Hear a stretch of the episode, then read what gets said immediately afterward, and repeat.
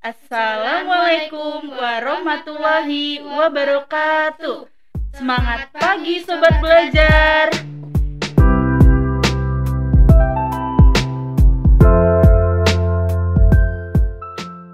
Inilah program audio pembelajaran sastra. Program ini dipersembahkan oleh kelompok 3 Kuliah Kerja Nyata Universitas Muhammadiyah Yogyakarta. Oh iya, sebelumnya kita kenalan dulu yuk. Perkenalkan, nama aku Betrida.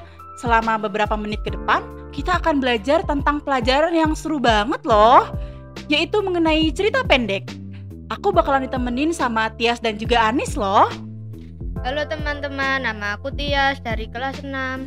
Halo teman-teman, namaku Anis dari kelas 6. Nah, di sini Tias sama Anis bakalan ngebacain cerita pendek.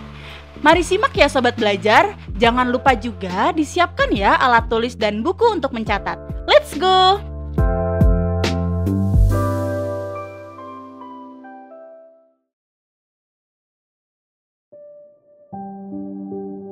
Judul cerita, Kisah si semut dan si belalang.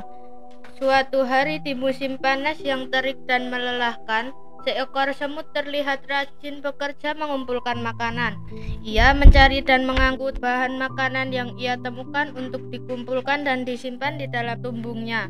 Meski panas yang terik dan hujan yang turun membasahi tanah dan tubuhnya, ia tetap bekerja dengan giat agar nanti saat musim dingin tiba, semut bisa memiliki persediaan makanan yang cukup untuk bertahan hidup. Melihat hal ini, si belalang menegur semut dengan berkata, Hei semut, kenapa kau begitu rajin mengumpulkan makanan tanpa henti?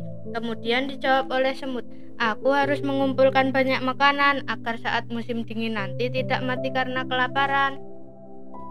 Mendengar jawaban si semut, belalang pun tertawa berbahak-bahak. Katanya, haha kenapa repot sekali, musim dingin masih lama. Belalang pun berlalu sambil memakan daun yang jadi makanannya. Semut tetap bekerja dengan keras dan giat mengumpulkan makanan yang banyak. Sementara sepanjang musim panas dan musim selanjutnya, belalang tetap bermalas-malasan dengan tidak mengumpulkan makanan untuk musim dingin di mana persediaan makanan nantinya akan sulit untuk dicari.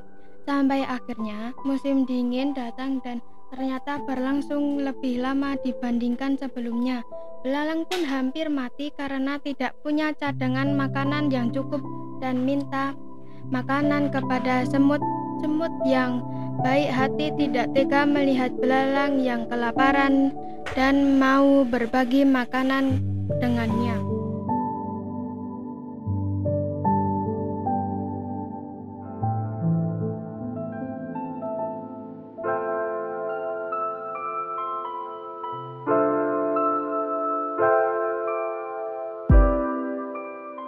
Wah, keren banget ya penyampaian cerita pendek dari teman-teman kita. Terima kasih banyak ya Tias dan juga Anis.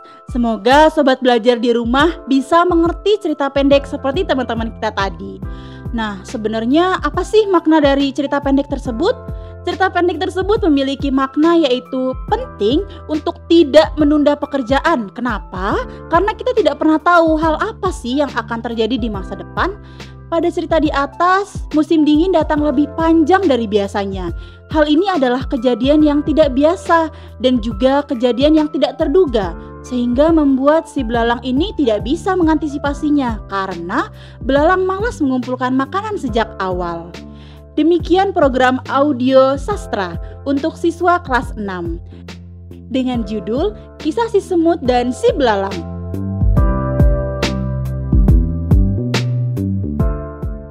Program ini dipersembahkan oleh Universitas Muhammadiyah Yogyakarta dengan produsernya adalah kelompok 3 Kuliah Kerja Nyata Radio Komunitas.